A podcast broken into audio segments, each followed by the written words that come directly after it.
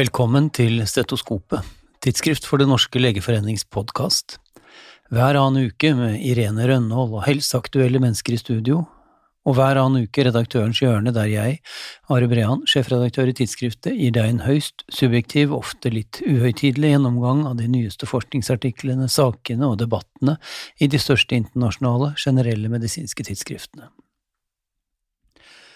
Min etter hvert litt eh, sørgelige vane tro skal jeg også denne gang starte med den seneste covid-forskningen, idet jeg gleder meg til akkurat det ikke er nødvendig lenger. Denne gangen begynner vi i The Lancet, for nå har vi kommet så langt i pandemien at vi begynner å få kliniske langtidsdata for hvordan det går med covid-pasientene etter et helt år. Den aktuelle studien er en kohortstudie av over 1200 covid-pasienter som var sykehusinnlagt i Wuhan i Kina mellom januar og mai 2020, og som har blitt fulgt opp i seks og tolv måneder etter det. En matchet kontrollgruppe som ikke hadde hatt covid-19, gjennomgikk nøyaktig det samme kontrollopplegget. Etter seks måneder hadde 68% av pasientene fortsatt minst ett symptom fra sin covid-sykdom. Etter tolv måneder hadde andelen, andelen med minst ett symptom sunket til 49% hvorav muskelsvakhet og fatigue var det vanligste symptomet. Marginalt flere covid-pasienter enn kontroller hadde etter ett år eh, smerte, ubehag, angst eller depresjon, men nesten 90% av dem hadde gått tilbake til sitt tidligere arbeid og selv om den generelle helsetilstanden var noe dårligere enn hos kontrollene, hadde de aller fleste pasientene fått tilbake god funksjonell og fysisk status. Alt i alt, altså, covid-19 er en alvorlig sykdom for de som blir innlagt på sykehus. Ettårsprognosen ser likevel ut til å være god for de aller fleste, selv om full tilbakegang av symptomer ser ut til å ta lang tid, for flere mer enn ett år. Men dataene for det må vi av naturlige grunner vente enda lenger på. Og hvordan det til slutt vil gå for de som fortsatt er plaget etter ett år, vet vi altså fortsatt ikke, men long covid, som tilstanden kalles, er i mellomtiden en utfordring for hele helsevesenet, slik The Lancet-redaktørene påpeker i en korresponderende lederartikkel. Men alle disse pasientene fra Wuhan pådro seg infeksjonen før det fantes vaksiner. Så hvordan går det så med de som blir syke etter å ha blitt vaksinert? Det vet vi naturlig nok enda mye mindre om, men en nylig publisert studie fra England, også den i The Lancet, gir grunn til håp for god vaksineeffekt, også med tanke på langtidseffekter av sykdommen. Studien var en kombinert pasientkontroll- og kohortstudie, en såkalt nested case control-studie, med selvrapporterte data fra mer enn 1,2 millioner voksne personer som dels var vaksinert og dels uvaksinert, og som hadde testet positivt for SARS-CoV-2. En halv prosent av deltakerne som hadde fått minst én vaksinedose, utviklet covid-19. Forekomsten av sykehusinnleggelser var signifikant lavere hos de vaksinerte blant deltakerne, ikke overraskende, men dertil var sannsynligheten for helt asymptomatisk infeksjon også betydelig lavere hos de vaksinerte, spesielt hos de over 60 års alder. Sannsynlig gode nyheter der altså for oss som har latt oss vaksinere. Men likevel, det er verdt å huske at nye varianter av viruset kan gi helt andre resultater enn akkurat denne studien viser. Og når vi først er i gang med kombinerte pasientkontroll- og kohortstudier fra de britiske øyer, altså såkalte nested case kontrollstudier, passer det bra å referere fra en studie nylig publisert i British Medical Journal. For smitten i skolene øker både her og i England blant de fortsatt uvaksinerte skoleelevene, men hvordan er det egentlig med lærerne deres, er de mer utsatt for smitte enn andre arbeidstagere? Det forsøker denne studien å svare på. Studien er en del av en større skotsk covid-studie med over 1,3 millioner deltakere. 65 000 av dem er lærere, og av disse igjen ble 25 000 tilfeldig valgt ut til denne studien. Studieperioden fra mars 2020 til juni 2021 dekket både perioder med full skolestengning, full åpning og en rekke varianter midt imellom. Endepunktene var sykehusinnleggelse med en covid-diagnose og alvorlig covid-19 definert som behov for intensivbehandling og konklusjonen var at verken lærere eller deres familiemedlemmer, definert som personer med samme bostedsadresse, hadde høyere risiko for sykehusinnleggelse med covid. Ja, faktisk hadde lærerne mindre risiko for alvorlig covid-19 enn andre yrkesgrupper gjennom hele studieperioden. Det skal sies at konfidensintervallene her er vide, for antallet alvorlige covid-tilfeller var relativt få, men dog. Læreryrket ser ikke ut til å være farligere med tanke på covid-19 enn andre yrker, i hvert fall ikke i Skottland. Og når vi først er i skoleverket. Tidligere studier har vist at covid-19-pandemien er assosiert med vektoppgang blant den voksne delen av befolkningen i USA. Lockdown og stillesitting har sin pris. Men hvordan er dette hos barn?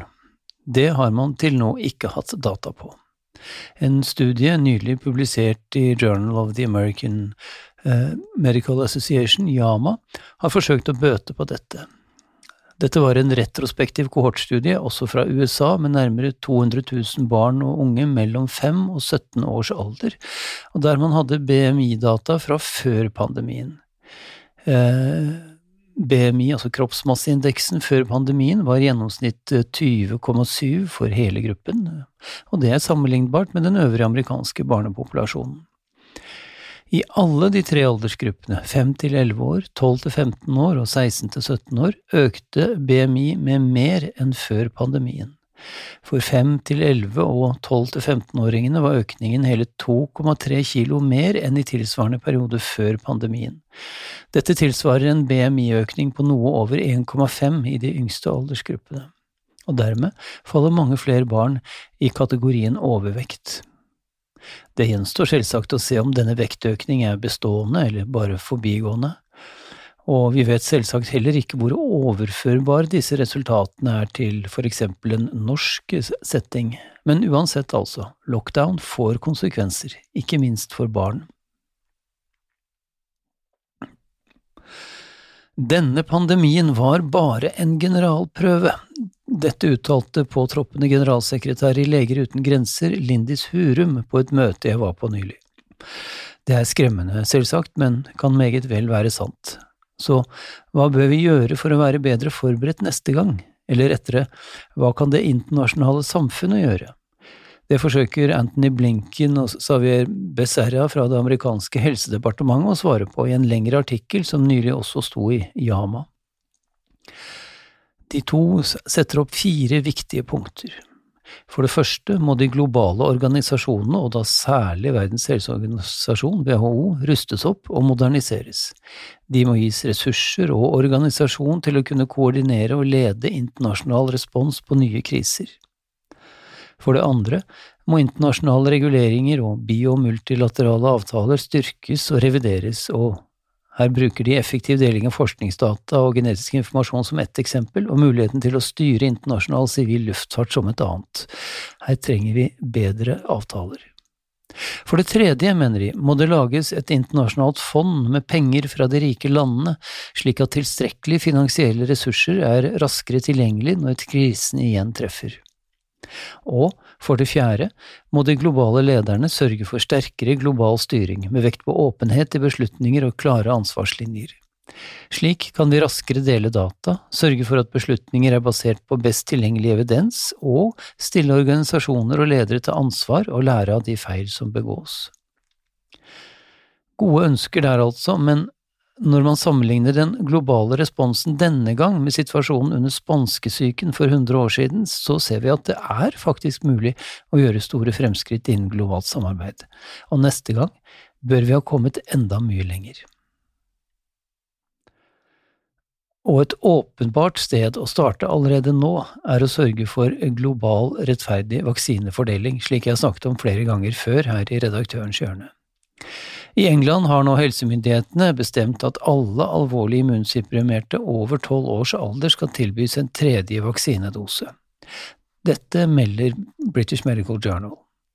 Den britiske vaksinekomiteen sitter foreløpig på gjerdet hva gjelder å tilby en tredje dose til alle andre enn de immunsupprimerte, i påvente av flere data om effekt.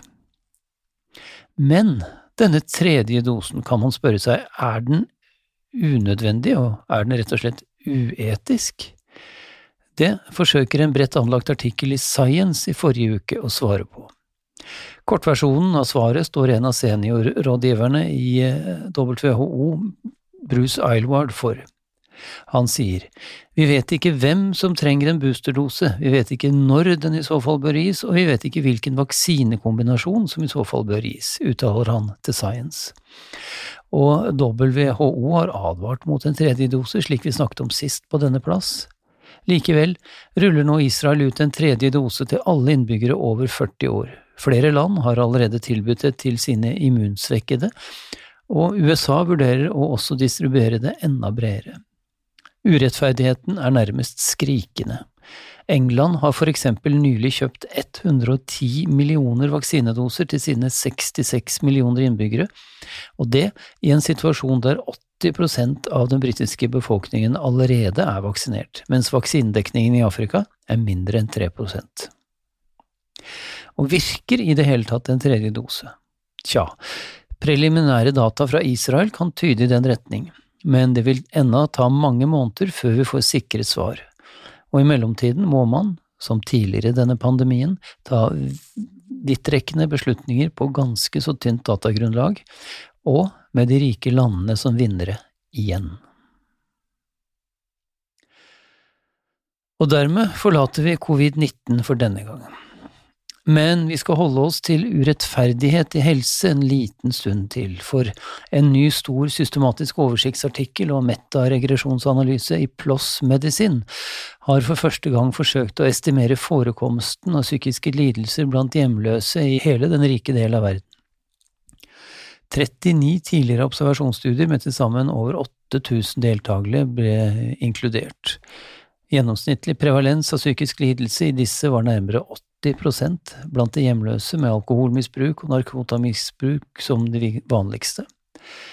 Hele 12% hadde schizofreni og eller depressiv lidelse. Konklusjonen er at dette er en gruppe med betydelig forekomst av psykiske lidelser og med et stort behov for at helsetjenesten organiseres med nettopp det for øye.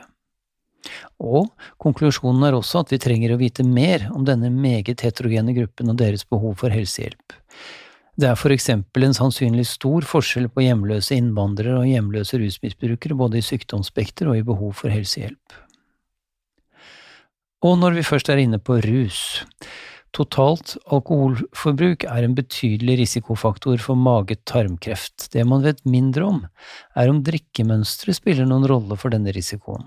Er det altså slik at de som drikker alt i helgen, har en annen risiko for mage-tarmkreft enn de som drikker litt hver dag? En studie publisert i Yaman Network Open har forsøkt å svare på dette ved å bruke retrospektive data fra det koreanske helseregisteret for nesten tolv millioner personer. Deltakerne ble skrinet ved inklusjon i registeret i 2009 og 2010 og fulgt til 2017.